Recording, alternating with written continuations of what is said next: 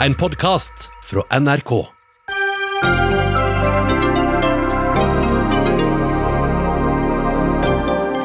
Svært nervøse aksje- og pengemarkeder pga. koronaviruset. Kraftige fall på børsen i morges, og nå har også en nordmann i Italia fått viruset. Fremskrittspartiet vil gjøre det lettere å skyte ulv ved å montere GPS-sendere på dyrene. Det kan brygge opp til strid med tidligere regjeringspartnere. Norges Fotballforbund opphever forbudet mot å selge alkohol til vanlige fotballfans på kamper. Det blir det bråk av, ikke minst med KrF, som sier de er rasende. Og flere organisasjoner vil innføre et alternativt økonomisk system som skal gjøre det hele mer bærekraftig, og får tommelen ned fra Høyre.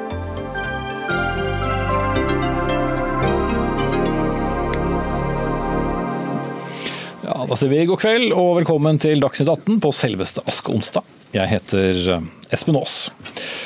Etter noen eh, svært urolige dager, og ja, for så vidt uker i verdens finansmarkeder, endte Oslo Børs i dag ned nesten 1 etter til dels store fall i morgentimene. Og I dag melder også Verdens helseorganisasjon at verden ikke er forberedt på en global smitte. Vi snakker om koronaviruset. Økonomer har også varslet om at viruset kan få både alvorlige og permanente virkninger på verdensøkonomien. Og Vi begynner nå med deg, Philip Lote, vår europakorrespondent. og Du følger i øyeblikket utviklingen eh, hos Verdens helseorganisasjon i Genéve, hvor hovedkvarteret er. Hva er siste nytt fra WHO? Ja, det de har sagt er at eh, de mener tiltakene i Kina begynner å eh, hjelpe, og understreker at det, det siste døgnet har vært flere nye tilfeller utenfor Kina enn i Kina. Da legger man til grunn de offisielle tallene. Også WHO, altså Verdens helseorganisasjon, aksepterer at det kan være grunn til å stille spørsmål ved hvor riktig tallene er. At det kan være flere smittede i Kina, men de sier likevel at man snakker om en nedgang, og man har et veldig sterkt fokus nå på Iran, Italia og Korea, som er da de store områdene hvor man har utbrudd av større art. Over 800 i Korea, over 300 i Italia og uvisst hvor mange i Iran. Hvor man nå har et fokus og er bekymret. Og så sier man at også alle andre land som ikke har utbrudd, må være forberedt på at det kan komme i dag. Kan komme ganske raskt uten at man er klar over akkurat når det skjer. Mm. Ja, for WHO har jo eh, ringt med varselklokkene ganske lenge, Philip Lote, men altså først i går som eh, de antydet at også f.eks. et utbrudd i Norge er, er sannsynlig. Hva er det som har skjedd?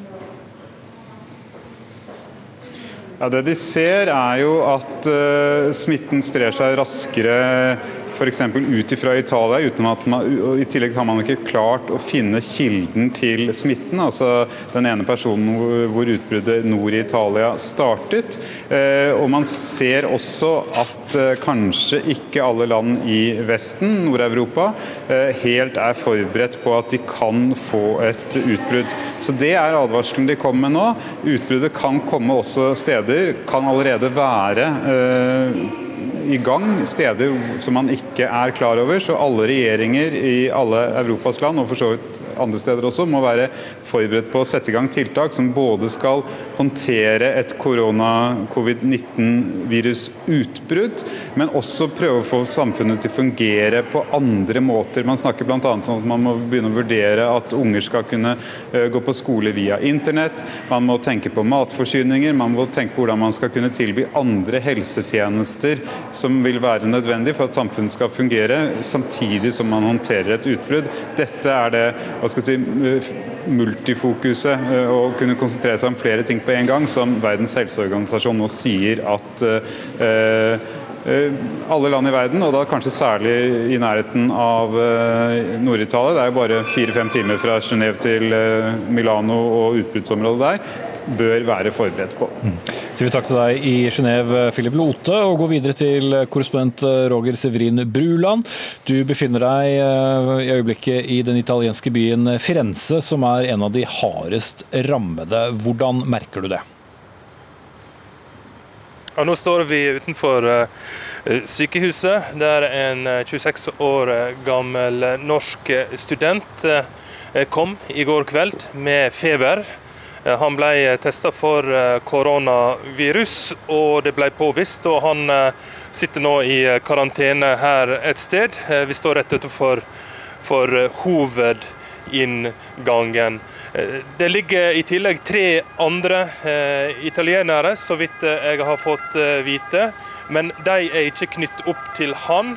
Så nå driver legene og prøver å pusle sammen historien til de som har blitt smitta, for å finne ut hvor de kan ha fått smitten ifra. Mm. Antallet smittede i Italia steg jo da med 45% på et døgn. Klarer italienske myndigheter å håndtere denne smitten? De har jo grepet resolutt inn, og de har satt 50 000 mennesker og 11 steder i karantene. Og Kommer det et utbrudd, så har de sagt at da vil vi eh, være snare og, og, og sette områder i karantene. Da er det politi og forsvar som eh, rett og slett omringer en landsby eller det stedet der det er mange eller tilstrekkelig mange smitta. I tillegg så er det jo askeonsdag i dag. Eh, det er jo store messer i hele Italia, i de store katedralene. Og det har kirka avlyst. Eh, det er kun tillatt med mindre sammenkomster, familiegudstjenester der det er strengt nødvendig, sånn som eh, ja, gravferd og, og, bryllup. Og Det er mange som har uttrykt i dag eh, til meg at de er veldig skuffa over det, og, og, at de kan ikke huske at de ikke kan, gått, ikke kan gå i kirke på mm. askeonsdag, når, når fasten nå begynner.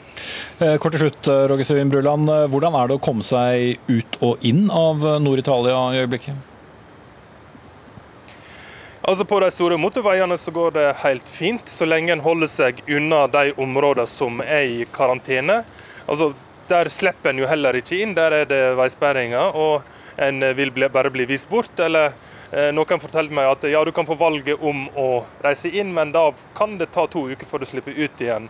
Mm. Uh, og Det er jo det som er litt av frykten, at en, en frykter at, det, at en vil bli uh, sittende fast i en sånn karanteneplass. Men foreløpig så kan du reise ganske fritt mellom de store byene i Nord-Italia. Mm. Sier takk til deg, Roger Severin Bruland. Men eh, det er jo ikke bare folk eh, som blir direkte påvirket. Også de internasjonale markedene har eh, vært preget av nervøsiteten den siste tiden. Og særlig i dag så vi mange nervøse markeder. Pål Ringholm, kredittanalysesjef i Sparebank1 Markets. Du varslet bl.a. i Dagens Næringsliv at fallet nok ikke vil avta med det første. Nei, Mest sannsynlig så vil det jo ikke det. da. Eh, nå er det jo egentlig ikke mitt virke å drive og lese medisinske research paper på kvelden, men det er det jeg gjør for tida. Um, og eh, vi vet jo ikke, Forskere vet jo heller ikke hvor dødelig og smittsomt det her er. Men i forhold til vanlig influensa så er det en range fra 4 til 40 ganger. altså Det er stor range. da. Og det betyr jo... Når du sier stor range? Ja, ja, ja, intervall. Det er fryktelig dårlig norsk intervall. Eh, og Det betyr jo at hvis det kommer et utbrudd i morgen et eller annet sted, om det var New York eller London eller hvor det, hvor det måtte være, så må jo de, de, lokale myndighetene der innføre de strengeste tiltak, fordi at de vet ikke hvor alvorlig det her er. Mm. Og det betyr igjen, altså, altså, og Hvis du da skulle få en pandemi, altså at det sprer seg til mer ukontrollert til, veldig mange land, så kan vi henge argumentet på um, sannsynlighetene. Fra det ratingbyrået Muris kom i, i dag ettermiddag, på at de anser sannsynligheten for det så høy som 40 Ikke at de vet mer enn oss andre, men blir det det, pga. de tiltakene hvert enkelt land må gjennomføre, så blir det da en global resesjon. Det, det, er den type ubehagelig sannsynlighet vi har med å gjøre her. Mm. Du Andresen, sjeføkonom i Handelsbanken Capital Markets. Er du enig i denne dystre spådommen? Ja, eller Det vi er bekymra for, er eh, måten dette viruset smitter på. Eh, fordi det kan smitte fra folk som ikke har noen symptomer, og det trenger ikke nødvendigvis å slå ut på tester. og Derfor så er det mye mye vanskeligere å begrense enn eh, tidligere f.eks. SARS. Og Det gjør jo også at den dagen man f.eks. opphever disse strenge nedstengningene som man har hatt i Kina f.eks., så kan man få en ny bølge med smitte. Og det, vi, jo, vi, vi, trodde ikke det skulle kanskje spre seg så fort utenfor Europa som det har gjort, men eh, måten det smitter på nå har tatt mange på senga. og Jeg tror det var det særlig markedene reagerte på på mandag. At det plutselig så ble det mye verre også utenfor Kina enn det vi hadde tenkt på forhånd, kanskje. Mm. En liten korreksjon da opp igjen i dag, bl.a. som følge av at eh, de amerikanske markedene har tatt seg noe inn. Men, men Ringholm, hvilke markeder, altså hvor er det investorene er eh, mest nervøse? Hva Ja. frykter de mest? Eh, Der du har skjedd, der du så det først, da, for å, for å si det på den måten, så er det de to spesielle markedene. Det er rentemarked, verdens største kapitalmarked. Der renta i går ble, kom på sitt laveste nivå i USA på 150 år. Altså Det er så mange som kjøper de her sikre investeringer at du får mindre og mindre rente for det, for det er så mange som skal ha det. Og så er det gullmarkedet. Eh, En trygg investering i urolige tider. Så det er der man har sett uroen først, og så kom det til slutt i aksjemarkedet de siste dagene. Og innenfor aksjemarkedet, altså hvilke sektorer er det som faller mest? Nei, eh, cruise. Eh, Cruiseaksjer, RCL, norsk etteraksjen, falt per i går kveld. Han har falt 33% som et eksempel på det. Og- Enorme fall. Enorme fall, ja. Eh, og så ser vi også norske kronen, eh, du Andresen. Hvorfor eh, faller den så voldsomt? Ja, I tider med internasjonal usikkerhet så ser vi gjerne at eh, krona svekker seg. og Det har slått til denne gangen også. I tillegg så er det et element til, og det er jo at oljeprisen har blitt truffet ganske hardt, også av dette koronaviruset. Eh, Sånn at oljeprisen har eh, blitt mye lavere, og det også bidrar til å svekke norske kroner. Og hvorfor faller oljeprisen? Er det fordi man tror det vil bli lavere etterspørsel fordi folk Ja, vil Det blir lavere etterspørsel, det har vi sett. Det, det påvirker ikke bare olje, men også andre råvarepriser, som har falt veldig eh, etter dette koronaviruset begynte å spre seg for alvor. og Vi ser jo store effekter av den nedstengningen i Kina med lavere etterspørsel. Så det påvirker oljepris bl.a., og dermed norske kroner. Og så er det jo umulig å se, eh, som vi har vært inne på, hvor hvor stort dette blir og hvor langvarig det blir. Men hvor store spor kan det sette? Nei, så nå er det for, for ordens skyld Forhåpentligvis er det størst sannsynlighet for at det her går noenlunde bra. Man har tross alt begynt å få kontroll på det i Kina. Kan det virke som, da? Eh, Med noen potensielle sekundære effekter, da. Eh, Hva er, hva er det verste til Hvor galt kan det gå, da?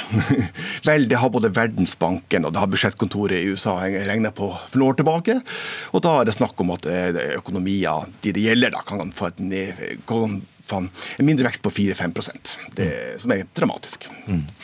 Eh, hvis vi skal se på norsk økonomi, da, du Andresen, eh, hva er det vi bør følge spesielt med på fremover? Nei, som sagt, Dette påvirker jo oljeprisen, som er viktig for norsk økonomi, og det påvirker norske kroner. Det kan potensielt også etter hvert påvirke etterspørselen etter norske eksportprodukter. Men jeg tror eh, kanskje den verste effekten sånn generelt er jo det det gjør med, med frykt og med generelt konsum internasjonalt, og, og eventuelt også bedriftenes eh, produksjonskjeder etter hvert. For dette kan potensielt gå fort over, da trenger det ikke å få så store effekter. Men det kan også få mer varige effekter hvis internasjonale produksjonskjeder blir rammet og skadet av dette mer varig. Og Hvis vi skal prøve å se det litt mer historisk, altså hvor langt tilbake skal vi se for å se tilsvarende nervøsitet på, på verdensmarkedet? Um, det- det fallet vi har hatt over to dager på, i USA, da, eh, så jeg går tilbake til år 1900, får på en 87.-plass. da, Så det, det her skjer titt og ofte, tross alt. Eh, Men det skal ikke så mye til for markedene å bli eh, nervøse nå heller, kanskje? Nei, og jeg tror dette kom på et dårlig tidspunkt, fordi vi hadde, vi hadde en ganske dårlig utvikling som så vidt hadde begynt å vri seg i kanskje litt positiv retning for internasjonal industri. Og så får vi dette her på toppen, og så blir det kanskje trygt enda videre ned fra et svakt utgangspunkt, og det er egentlig litt bekymringsfullt. Takk skal dere ha, Kari Dua Andresen fra Handelsbanken Capital Markets og Pål Ringholm fra Sparebank1 Markets. Dagsnytt 18 alle hverdager kl 18.00 på NRK P2 og NRK2.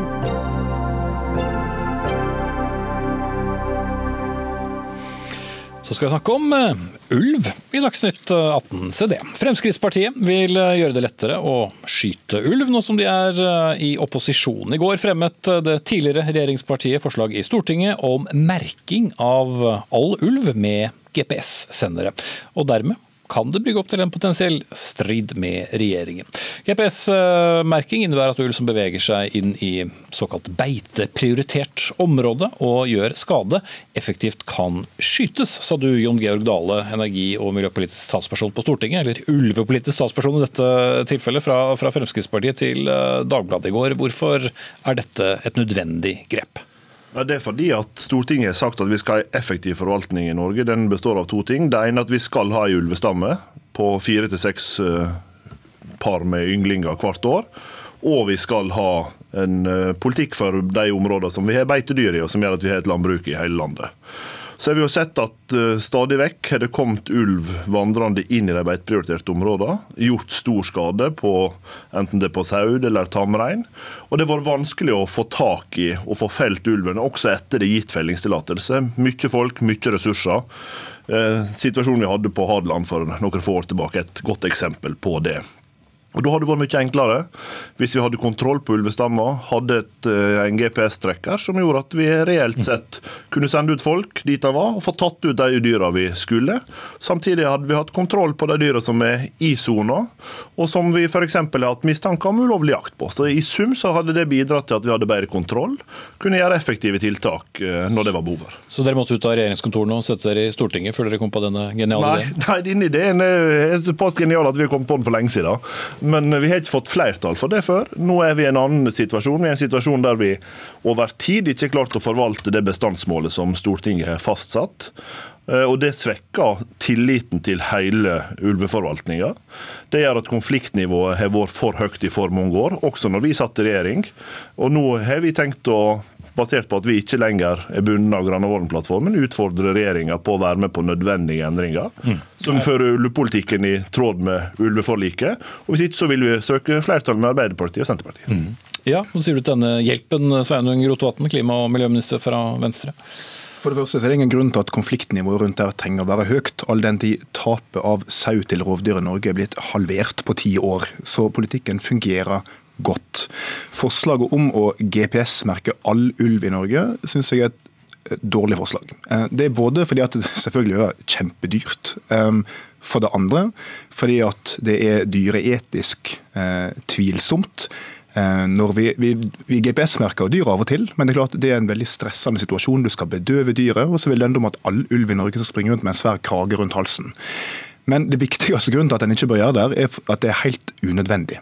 Skadefelling i Norge, når ulv først gjør skade, det er veldig sjelden, men når den gjør det, så tar du dyra ut raskt. Det blir et skadefellingsløyve omtrent på minuttet, og det fungerer godt. Og Dessuten er det slik at de ulvene som gjør skade i Norge, er veldig sjelden norsk ulv. Det er svensk ulv, streifulv, som kommer inn fra Sverige.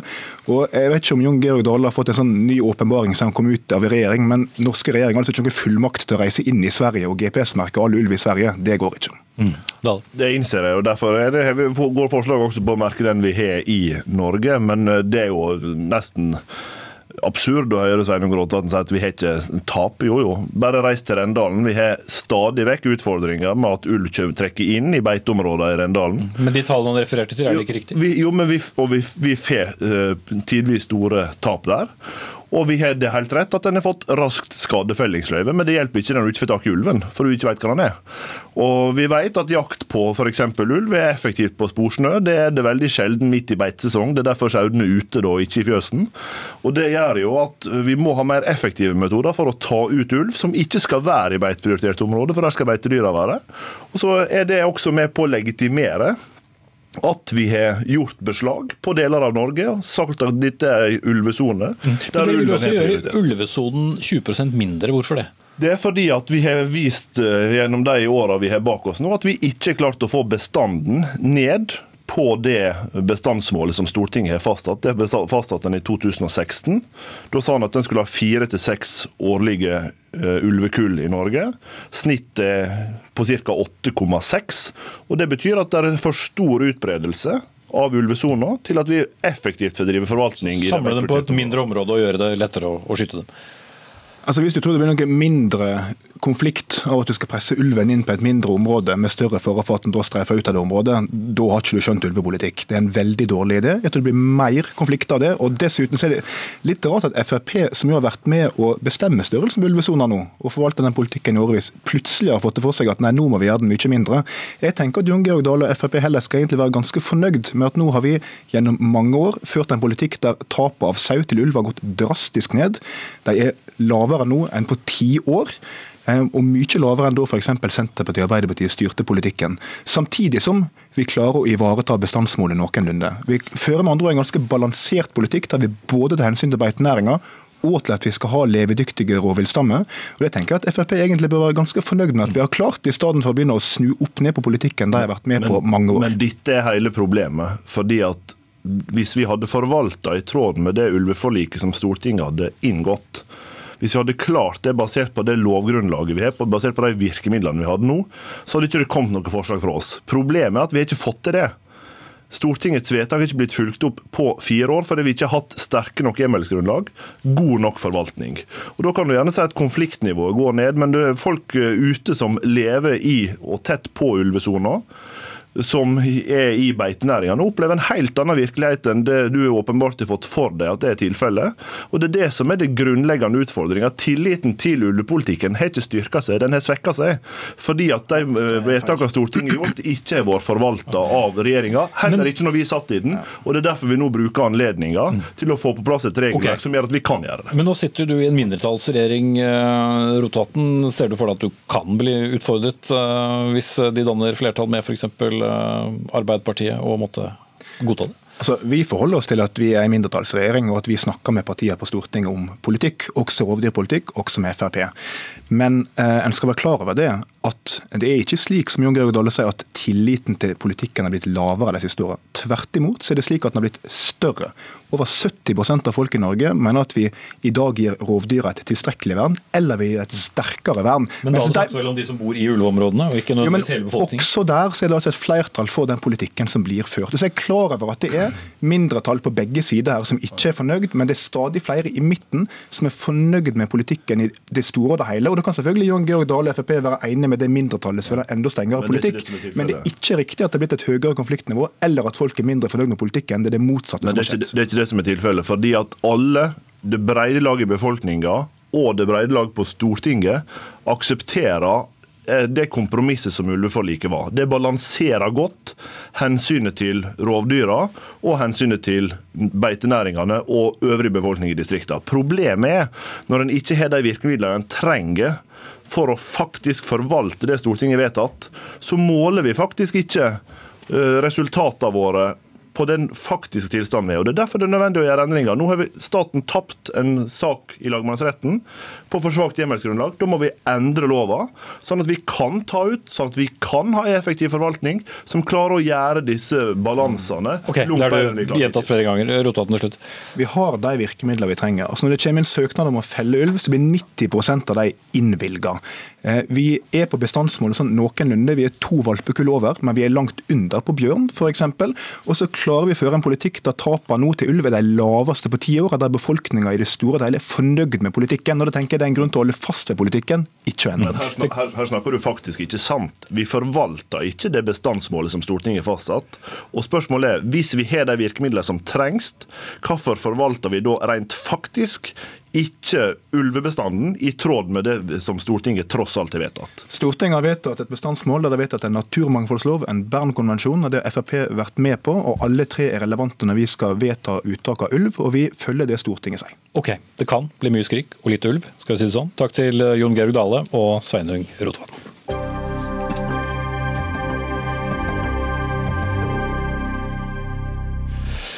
Bistandsmidler som Verdensbanken har delt ut, har trolig endt opp i skatteparadiser, viser forskning. Hva gjør Utenriksdepartementet med det, spør vi mot slutten av sendingen. Før eh, helgen foreslo flere organisasjoner det de kaller et alternativt økonomisk system, hvor eh, citat, det gode liv og ivaretagelse av miljøet skal være målet. Organisasjonene Spire, Attack, Latin-Amerikagruppen i Norge, Sosialistisk Ungdom og Rød Ungdom vil ifølge seg selv bl.a. frigjøre mennesket fra profittjag og konkurransetvang, slette u-landsgjeld og sikre at all produksjon er bærekraftig og rettferdig. Tenk det. Hege Skarre, du er leder i Spire, som er en miljø- og utviklingsorganisasjon. Det lister opp ni punkter som du skal få slippe å, å, ta her nå. Men eh, litt sånn konkret, eh, hvordan i alle dager skal du endre dagens markedsbasert system til dette?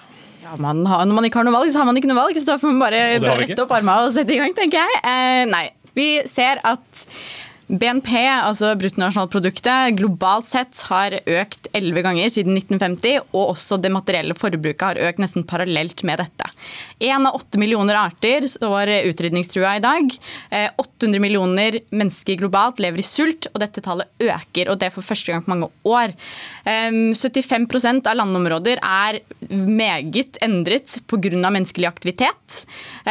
Vi har aldri hatt så mye CO2 i atmosfæren som det vi har nå, eh, ulikhetene øker også. Dette er ikke bare enkeltsaker.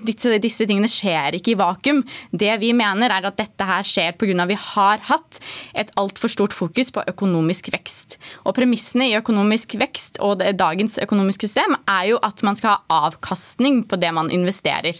Um, og Denne avkastningen vil alltid ende opp et eller annet sted hos noen, og det vil alltid gå på bekostning av noe. Vi har hatt veldig stor bruk for og verdi av den økonomiske veksten der det har vært økologisk rom for det. Men nå har vi ikke det lenger. Vi har ikke nok ressurser igjen til å brødfø denne planeten hvis alle sammen skal ha den økonomiske veksten. Vi mener at vi her i Vesten vi har fått nok. Eh, noen land okay. er nødt til å fortsatt vokse, men det kan ikke vi gjøre. Stefan Heggelund, stortingsrepresentant fra Høyre. Du har møtt det med en ganske kald skulder. Da du så dette oppslaget, så beskrev du det som noe av det svakeste du hadde lest? Var det ingenting å hente? Nei, altså, målet vi har er jo det samme. Det er at vi skal bekjempe fattigdom internasjonalt. Bekjempe ulikhet både i Norge og internasjonalt.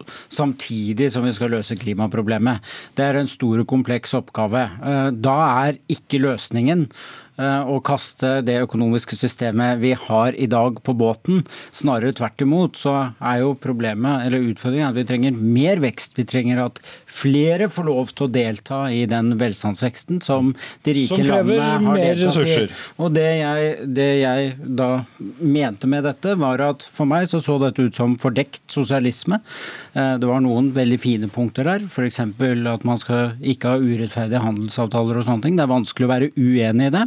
Eh, men når det står at man ikke skal ha såkalt profittjag osv., som er et Profittjag er jo et evig motord på venstresiden, eh, som egentlig betyr at bedrifter og stater ikke skal være så veldig opptatt av å gå med overskudd. Og det betyr at ingens arbeidsplasser i realiteten skal være trygge. Det er ikke sånn vi løser problemet. Det er ikke sånn vi får folk ut av fattigdom. Vi trenger økonomisk vekst. Både for at velstanden i verden skal gå opp for alle, men også for at vi skal klare å gjennomføre den omstillingen som skal til for at vi skal kunne løse klimaproblemet. Mm. Jeg trodde nesten du skulle si bærekraftig, men jeg kan jo si det til deg. Da, Skare, vil det være bærekraftig? Hvordan, hvordan, hvordan, skal dette gå økonomisk, hvis ikke det er noen vekst å hente? Hvem skal betale? Man har jo prøvd grønn vekst i, i flere år nå. Um, og altså om kapitalismen hadde fungert, så hadde det vært kjempefint. Det er jo ikke det at vi er imot kapitalismen for å være vrang. Eh, det er jo fordi vi ser at ikke det fungerer. Når vi ser at vi bare skifter kostnader eh, hele tiden, så er det et problem. Når vi kutter utslippene her, så er det ofte fordi vi vi outsourcer de, eller vi sender de til f.eks. Kina, som, eh, som, er de som produserer de varene som vi importerer igjen. Eller vi importerer soya fra Brasil for å brødfø vår, eh, vår befolkning her, fordi vi har soya i kraftfôr som vi, vi gir mat til både laks og, og kyr f.eks., og kylling. Eh, eller når vi skal ha en elbilsatsing, så går det på bekostning av menneskeliv i Kongo, fordi man ser at barn dør i gruver der. Tesla saksøkes nå pga. dette. Altså, okay, ja. Denne veksten veksten har en annen kostnad til enhver tid. og Derfor kan vi ikke ha fokuset der. Vi må ha fokus på natur, og det må stå, og miljø. Det må stå i sentrum, ikke økonomisk veksten. Det er kun et middel og ikke et mål i seg selv. Mm, men Syns du det var et svar på hvordan det var bærekraftig? Altså, det er jo ikke bærekraftig i dag, fordi vi har alle de problemene som jeg ramsa opp tidligere. Mm. Og, og, Stefan Heggelund, Hvis alle skal ta del i den samme veksten, så vet vi hva som skjer. Da skal alle spise mer kjøtt, alle vil kjøre bil, alle skal ha kjøleskap, alle skal ha de samme varene. og Går det på lang sikt? Altså, løsningen på det er å frikoble vekst fra utslipp. Eh, og Det vet vi at er mulig. Eh, det er det blitt skrevet viktige rapport om som viser at grønn vekst absolutt er mulig. og Det er også egentlig den eneste løsningen i tillegg så kan vi jo se på hva som har skjedd i Norge de siste årene. Da har klimagassutslippene gått ned, samtidig som vi har hatt økonomisk vekst. Og så mener vi at utslippene skal videre ned og raskere ned. og Det er jo derfor vi nå har Klimakur 2030, som er en systematisk klimapolitikk for alle sektorer i Norge. og Vi skal selvfølgelig også bidra i Europa og globalt. Men, men det er jo lettere å gjøre det i et land som Norge, som har den økonomiske veksten. Men eh, igjen, da, hvis eh, Kina, India, store land som i dag allerede har store utslipp, også skal ta del i den samme Nei, men her er poenget, veksten? fordi at Vi skal løse mange bærekraftsmål samtidig. Så det er flere bærekraftsmål som har blitt enige med FN. Det handler om å eh, bekjempe fattigdom, mindre ulikhet osv. Så, videre. så er utfordringen at måten vi vanligvis har gjort dette på, prøvd å hjelpe mennesker ut av fattigdom, det har bidratt til økte utslipp. F.eks. når vi gir folk energi. I dag er det én milliard mennesker som lever uten energi. De skal vi hjelpe med å komme ut av fattigdommen, bl.a. ved å gi dem strøm. Eh, Og eh, det må vi klare samtidig som vi ikke øker klimagassutslippene. Det betyr ny teknologi, fornybar innovasjon. Eh, Men du får ikke til det uten økonomisk vekst. Skal du? Eh, Nå er jo jeg, både jeg og mye av forskningen uenig med deg i at grønn vekst faktisk er mulig. Eh, Det europeiske miljøbyrået kom med en rapport i fjor som viser at det har ikke eksistert grønn vekst som er tilstrekkelig nok over tid. At den kan skaleres opp. Eller at den ikke skifter kostnader til et annet sted på et annet punkt eller på det samme tidspunktet. Og Der er det litt det samme som elbilsatsingen. At man hele tiden da vil skifte kostnader til et annet sted på f.eks. miljø. Fordi man har da lukket litt sånn øynene for resten og ser bare på klima. At Når vi ikke ser helheten, og ikke når vi ser hva denne veksten gjør med menneskerettigheter, med miljø, med kulturarv og også mulighetene til fremtidige generasjoner, så vil vi hele tiden skifte disse kostnadene på en begrenset planet. Og det går ikke. Til og med FN lanserte en rapport i mai i fjor hvor de sier at økonomisk systemet ligger i veien for at vi kan nå en faktisk reell bærekraftig politikk, og, og også få bukt med, med en del av problemene vi ser mm. når det kommer til natur og miljø. Jeg skal stille deg et veldig kort eh, spørsmål. så skal du svare kort på det helt til slutt. Eh, Hvor realistisk tror du det er å skulle få endret dagens system? Vi har gjort veldig vanskelige valg før. Vi har klart mange tunge eh, tak. Vi har fått inn stemmerett for kvinner, vi har fått inn åttetimersdagen. Det har gjort vondt, og det er vondt å se at det er ens eget system som er problemet. Men vi har ikke noe annet valg. Enten så endrer miljøet eh, da, hverdagen vår for oss, eller så tar vi kontroll over det, og vi gjør det på en måte som er rettferdig og bærekraftig for alle. Nok et langt, uh, kort svar i Dagsnytt 18. Takk til uh, Hege Skarud, leder av Spire, og Stefan Heggelund, stortingsrepresentant fra Høyre.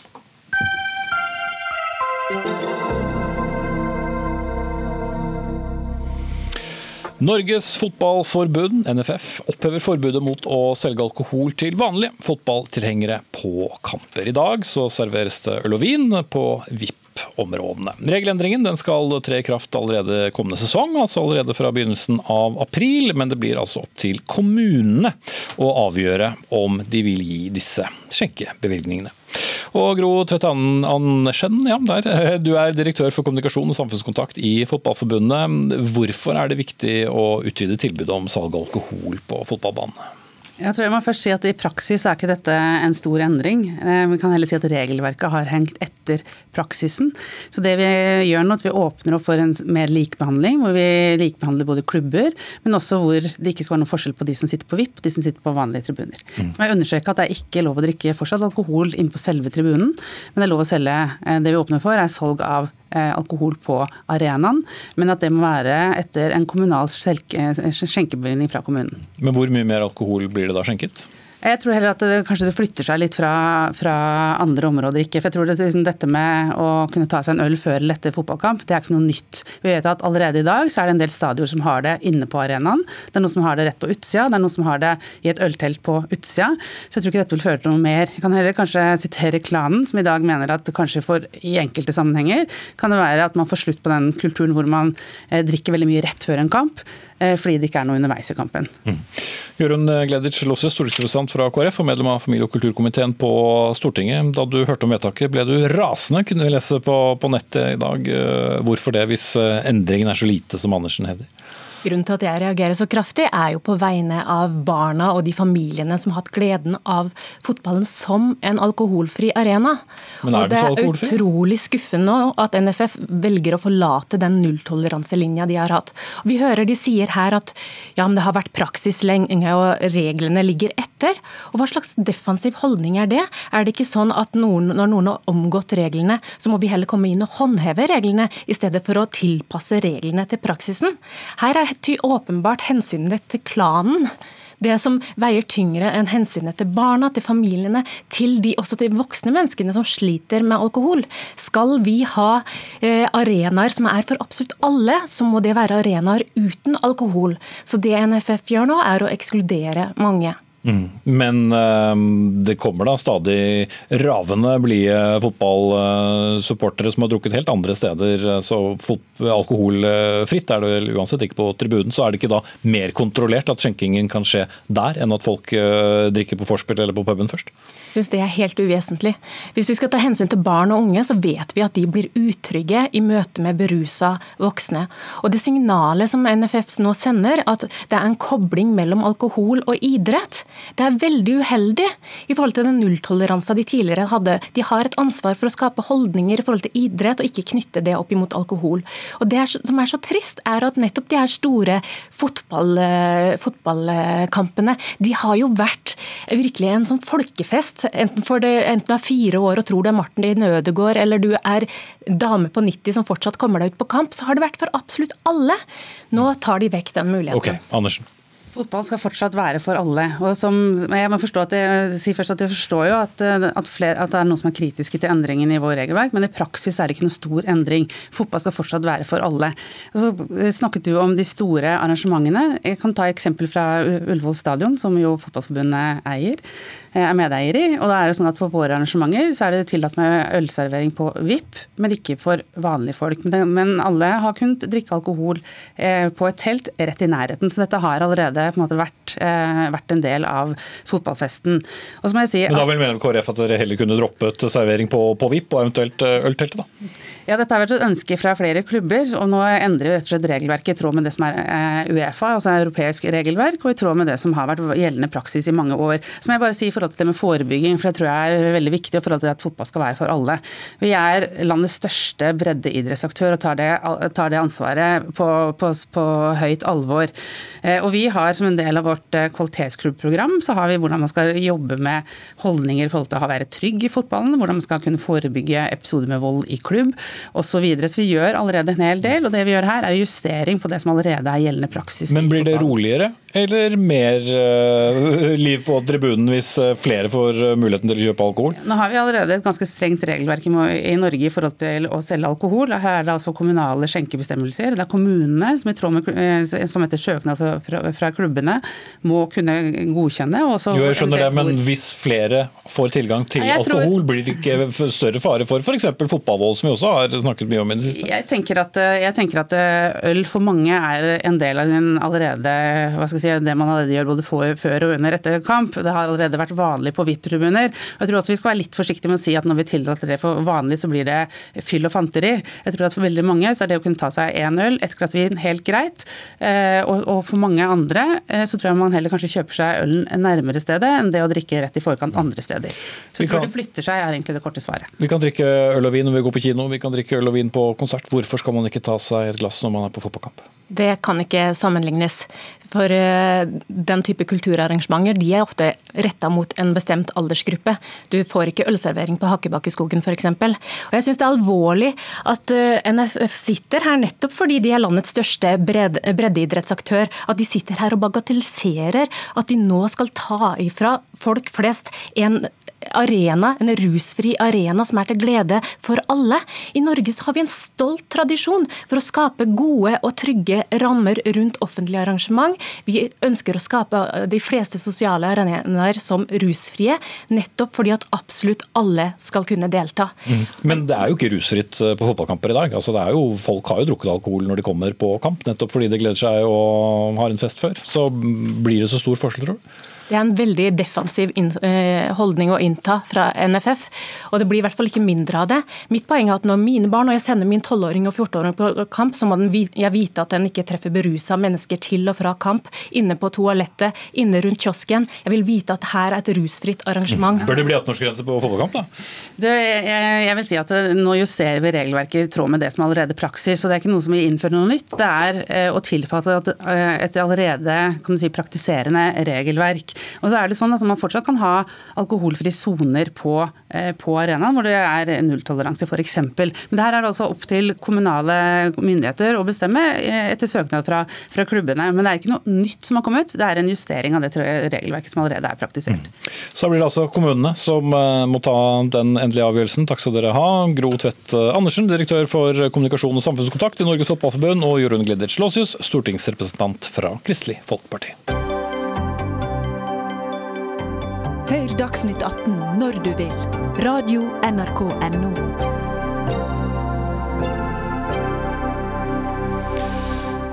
Deler av eh, bistandspengene som Verdensbanken har eh, delt ut i perioden 1990 til 2010, har trolig blitt plassert i skatteparadis. Ja, det skrev eh, The Economist i forrige uke, og viser til forskning som da ikke var tidligere blitt publisert. Forskerne har sett på hvordan Verdensbankens utbetalinger av bistand til 22 ulike land er blitt etterfulgt av pengestrømmer til skatteparadis. For i samme kvartal som bistandspengene blir utbetalt, så øker også bankinnskuddene i skatteparadisene signifikant. En av forskerne her, det er du Jørgen Juel Andersen, eh, professor ved Institutt for samfunnsøkonomi på BI. Hva konkret har dere funnet? Ja, jeg, jeg syns egentlig du oppsummerte det veldig bra. Å, takk. Eh, ja. Men hvor stor del kan det være snakk om eh, nei, av, av, pengene? Det, det, er eh, til disse 22 eh, landene, som da er de mest bistandsavhengige landene i, i verden. I hvert fall i forhold til Verdensbanken-bistand, men også i forhold til eh, annen bistand, egentlig så finner vi at 7,5 altså, eh, Du sa det veldig uh, presist. vi finner ikke at penger, 7,5% av pengene fra Verdensbanken går til skatteparadiser, men vi finner at samtidig som det går 100 kroner fra Verdensbanken inn til disse landene, så forsvinner det 7,5 kroner til eh, såkalte skatteparadiser. Mm. Og Det viktige her er jo ikke at det er skatteparadiser, men at det er finanssentra som er preget av hemmelighold. Mm. Der det er mulig å skjule, skjule formuer. Ja, og det var ikke dit pengene skulle? Det var nok ikke dit pengene skulle, nei. Eh, Aksel Jacobsen, du er statssekretær i Utenriksdepartementet fra Kristelig Folkeparti. Hva tenker dere om disse tallene? Kan man gjøre noe med dette? Ja, altså først vil jeg si at denne type forskning er veldig viktig, og det er veldig viktig å avdekke disse ulovlige kapitalstrømningene. og, og korrupsjon som det er snakk om. Det var dagens eh, første, vil jeg bare si, men så til spørsmålet. Ja. nei, eh, Norge tar jo disse funnene på veldig stort alvor. Og vi vil bruke den, vi, vi tar imot denne rapporten og vi ønsker å bruke den i vårt arbeid overfor Verdensbanken. og og det internasjonale, andre internasjonale organisasjoner for å løfte ulovlig kapitalflukt høyere på den internasjonale agendaen. Og Norge har jo en, en noe spesiell rolle. Jeg mener at Norge kan være ganske stolt over det arbeidet vi har gjort over lang tid for å løfte dette temaet på den internasjonale agendaen. Men kan vi legge noe press uh, for ja. å unngå dette? Ja, og det gjør vi. Vi har, uh, Sammen med de andre nordiske landene så har vi i styret i Verdensbanken uh, over tid krevd at de tar og eh, løfter dette høyere på, på, sin agenda. At de eh, rådgir, at dette går, inngår i rådgivninga overfor finansdepartementene i disse fattige landene. Og at når man inngår eh, låneavtaler, så skal dette i den pågående samtalen så skal dette være et tema. Og Det vi ser nå, og et gjennomslag som vi har fått eh, i det siste, er at nå skal det lages nasjonale handlingsplaner mot ulovlig kapitalflukt i alle disse fattigste landene som får støtte gjennom eh, Verdensbankens vindu for de fattigste landene. Mm. Kan det være en vei å gå, Andersen? Ja, eh, jeg tror det. Altså det, det, som gjør dette litt tricky, er nettopp det poenget med at det ikke nødvendigvis er disse bistandspengene som går videre, men at det, at det er altså, andre penger som flyttes fordi man får inn bistandspenger? Nettopp, at det, frigjør, det kan frigjøre midler. så, det, så det, da, da, blir det nesten mer systemisk. Mm. Eh, enda vanskeligere å få grep om, men eh, desto viktigere kanskje at vi får det dokumentert, sånn at vi vet at eh, eh, at det er viktig å holde fokus på dette her. Da. Så det er, eh, disse landene her er, det er en grunn til at de er blant de Men Er det en direkte sammenheng, eller er det en sånn spørrøs sammenheng at du ser at disse kontoene da øker samtidig som bistandspenger Ja, vi, vi, gjør jo mye for å sikre oss at det ikke er spuriøse sammenhenger. altså At det ikke er drevet av andre forhold. Man kunne tenke seg at det var eh, forhold som både førte til bistand inn og penger ut.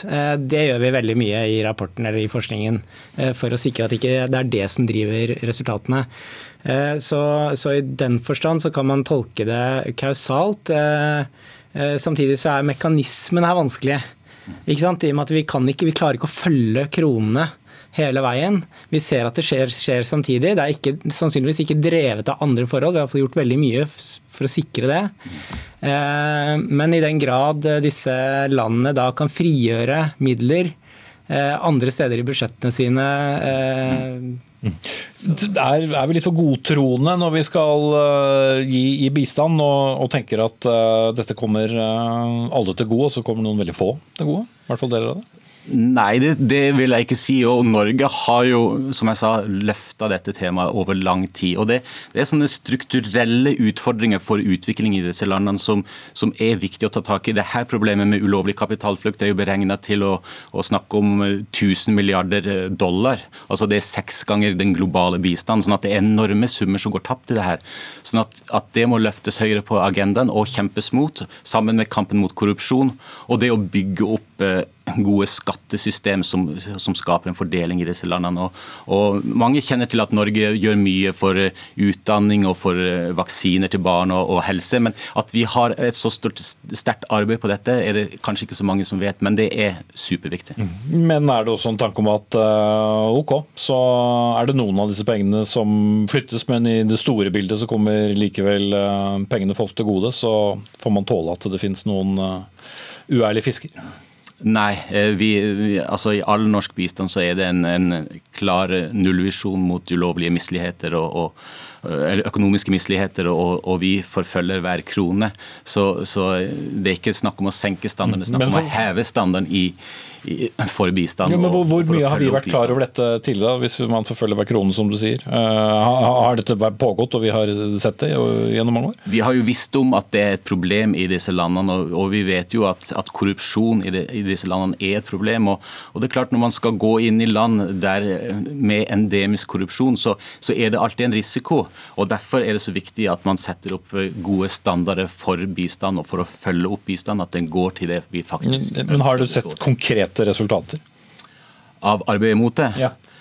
Ja, det, det, det, ser vi jo. Og, og at, at, det blir en større eh, awareness, kan du si. At, folk, at det blir oppmerksomhet, opp, ja. Ja, oppmerksomhet på, rundt det i, i disse landene. Og, og, vi har et stort arbeid for å bygge opp skattesystemene i disse landene, som også er viktig for å, å, å, eh, skaffe økonomi til utvikling og til fattigdomsbekjempelse i disse landene. Det har fått mye oppmerksomhet, dette også internasjonalt. Hva slags tilbakemeldinger har dere fått?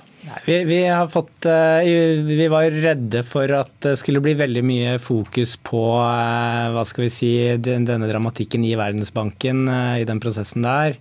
Eh, og også for så vidt at vi kunne blitt tatt i inntekt for at vi var mot bistand eller noe sånt noe. Men, eh, men eh, istedenfor så har vi egentlig det har vært mye sånn konstruktiv, det har vært mye medieoppmerksomhet, men også konstruktive tilbakemeldinger fra folk som jobber med bistand, som, som, som bekrefter at dette er, er, noe vi sliter med. Vi ser det skjer, men, og vi er veldig glad for at på en måte dere er med på å sette det på dagsordenen. Da, tror jeg jeg setter strek. Takk skal du ha, Jørgen Juel Andersen, professor ved Institutt for samfunnsøkonomi på BI i Oslo, og statssekretær i Utenriksdepartementet Aksel Jacobsen.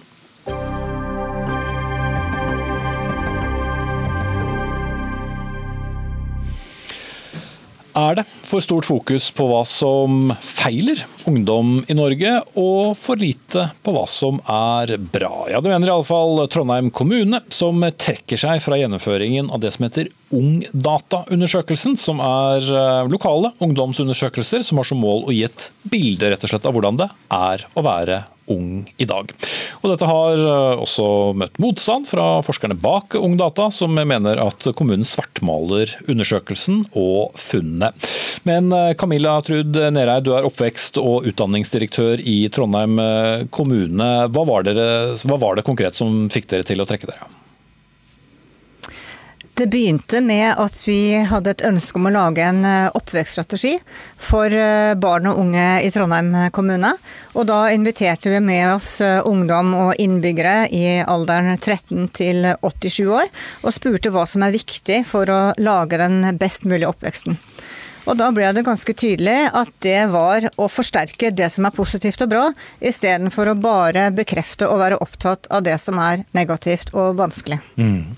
Men uh, vil ikke veldig mange, både unge og kanskje også foreldre, være vel så mye opptatt av hva som ikke går bra?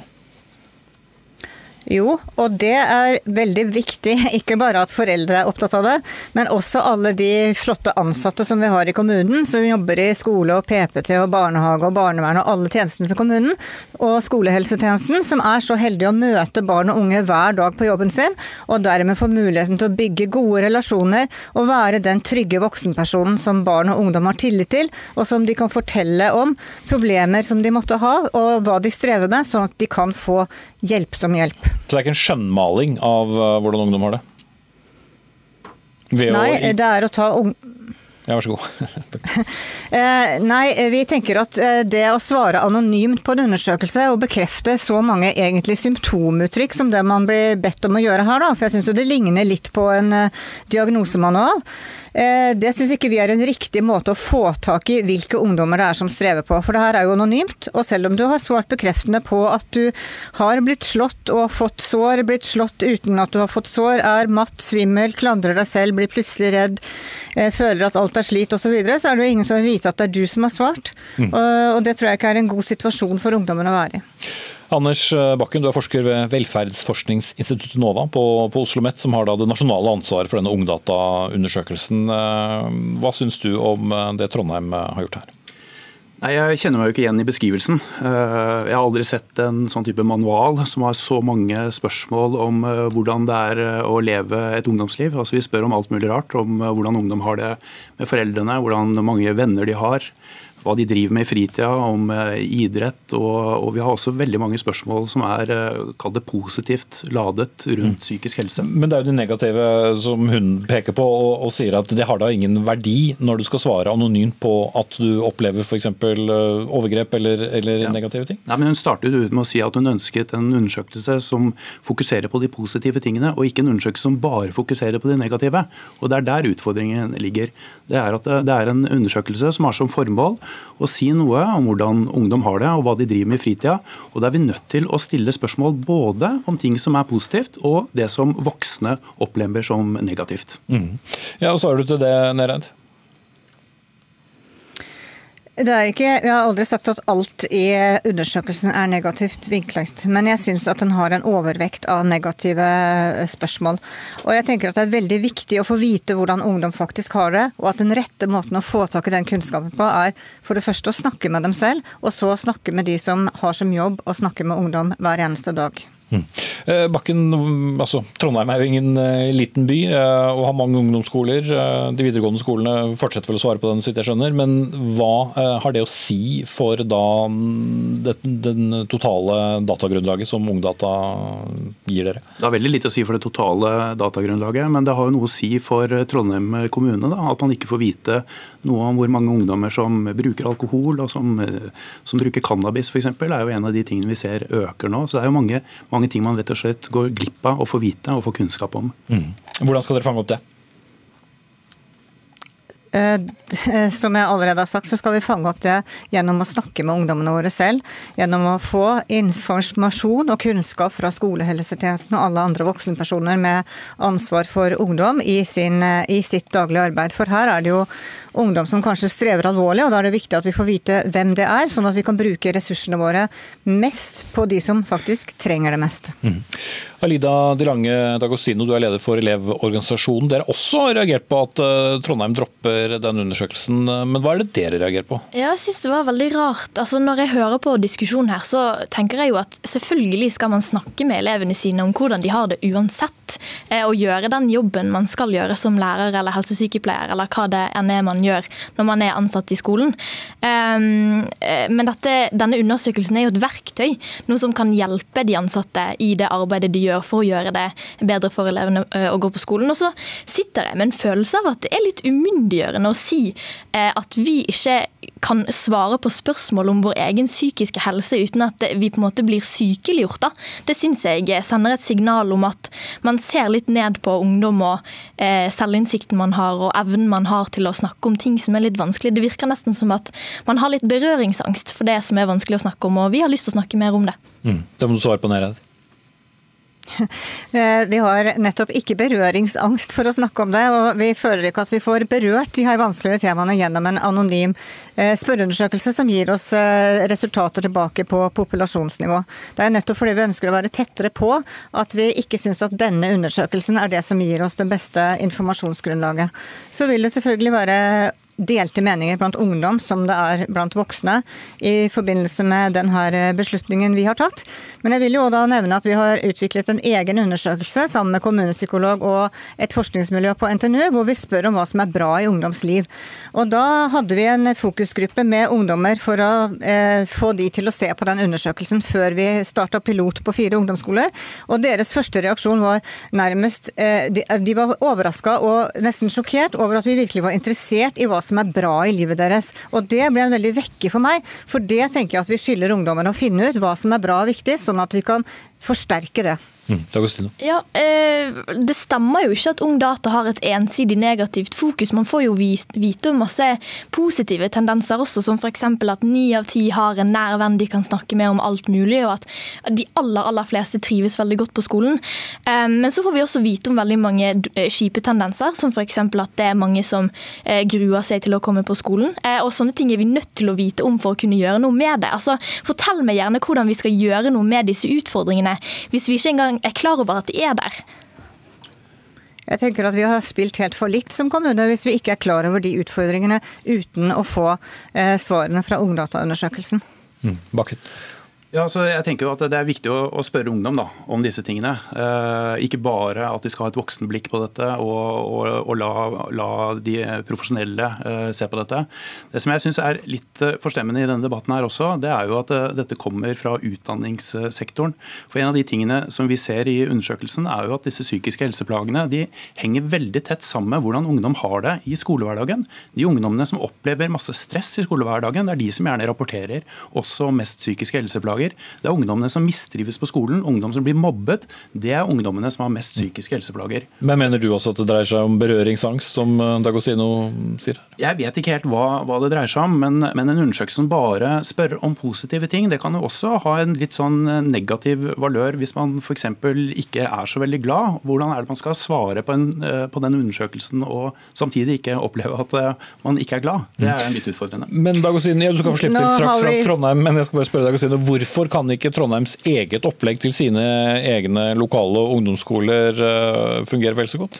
For all del eh, kan de lage sine egne undersøkelser, og så lenge de snakker med elevene, så er jo det kjempebra. Men å, å lage en undersøkelse der man utelukkende skal ha, eh, altså fokusere på positive spørsmål og positive svar, det tror ikke jeg man får så veldig mye nytte av. Da. Man er nødt til å vite hvor skoen trykker i skolen for å kunne gjøre noe med de utfordringene man har. Mm. Ja, her føler jeg kanskje at vi snakker litt forbi hverandre. For det er ikke at ikke vi vil vite om hva som er vanskelig for ungdom og ikke har lyst til å hjelpe dem, men det har vi lyst til å få vite på en annen måte enn gjennom Ungdataundersøkelsen. Og når vi har lagd denne undersøkelsen og spør etter positive ting, så er jo det faktisk eh, noe helt nytt. Eh, så det er jo i hvert fall kunnskap som man ikke har på, i et så stort omfang som det vi har fått nå. Og så ser vi jo, nå har vi fått inn 800 svar da, det vi har hatt det på fire ungdomsskoler. Og det er ikke så veldig store ting som skal til for at de syns at de har opplevd noe bra i det siste. Det kan f.eks. være Oi, sto på en prøve som kom uforberedt på, jeg hadde regna med å stryke. Altså, det er noe også med å, med å skjønne at selv selv sånne små gleder i hverdagen kan være betydningsfullt eh, for ungdom. Mm. Og Du mener da at uh, dere som kommune får en bedre oversikt over hvordan ungdomsskoleelevene deres eh, har det nå, enn gjennom denne Ungdata-undersøkelsen? Vi mener at eh, hvordan ungdomsskoleelevene våre har det, er noe vi må finne ut gjennom å snakke med de direkte, og ikke spørre de anonymt. Mm. Hvis du klarer å være veldig kort, Agustina. Ja, jeg tenker Man kan ha to baller i luften, så jeg oppfordrer alle kommuner til å ikke droppe Ungdata-undersøkelsen. Ok, der setter vi strek. Takk til Alida De Lange D'Agostino, som er leder av Elevorganisasjonen Anders Bakken, forsker ved NOVA, og Camilla Trud Nereid, oppvekst- og utdanningsdirektør i Trondheim kommune. Vi håper i hvert fall at eh, alle dere har eh, hatt det bra under denne sendingen. Ansvarlig for den var eh, Dag Dørum. Jeg heter Espen Aas, og det tekniske ansvaret, ansvaret til og med, hvis jeg får med alle konsonantene her, hadde Stein Nybakk. Sigrid Lise Solund sitter i denne stol i morgen på gjensyn.